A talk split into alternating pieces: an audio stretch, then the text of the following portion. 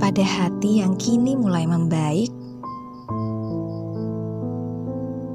jangan terluka untuk hal-hal yang tidak penting. Abaikan apa yang perlu diabaikan. Tinggalkan apa yang perlu ditinggalkan. Dan lupakan apa yang perlu dilupakan.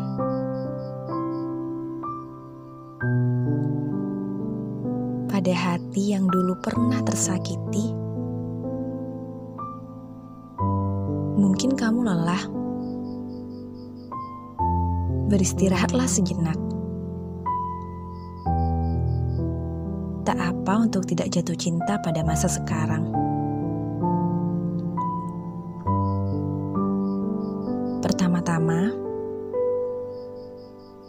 mari cintai dirimu sendiri. Tak apa orang lain tidak menyukaimu. Tak apa orang lain meremehkanmu. Anggap ini proses yang akan membawamu menjadi lebih kuat.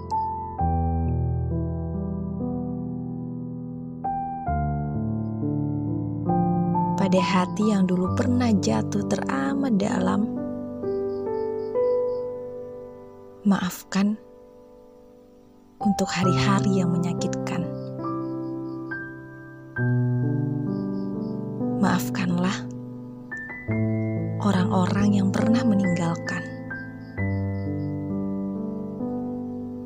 Tak apa untuk menangis,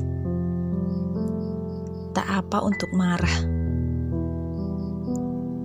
karena ini bagian dari pendewasaan.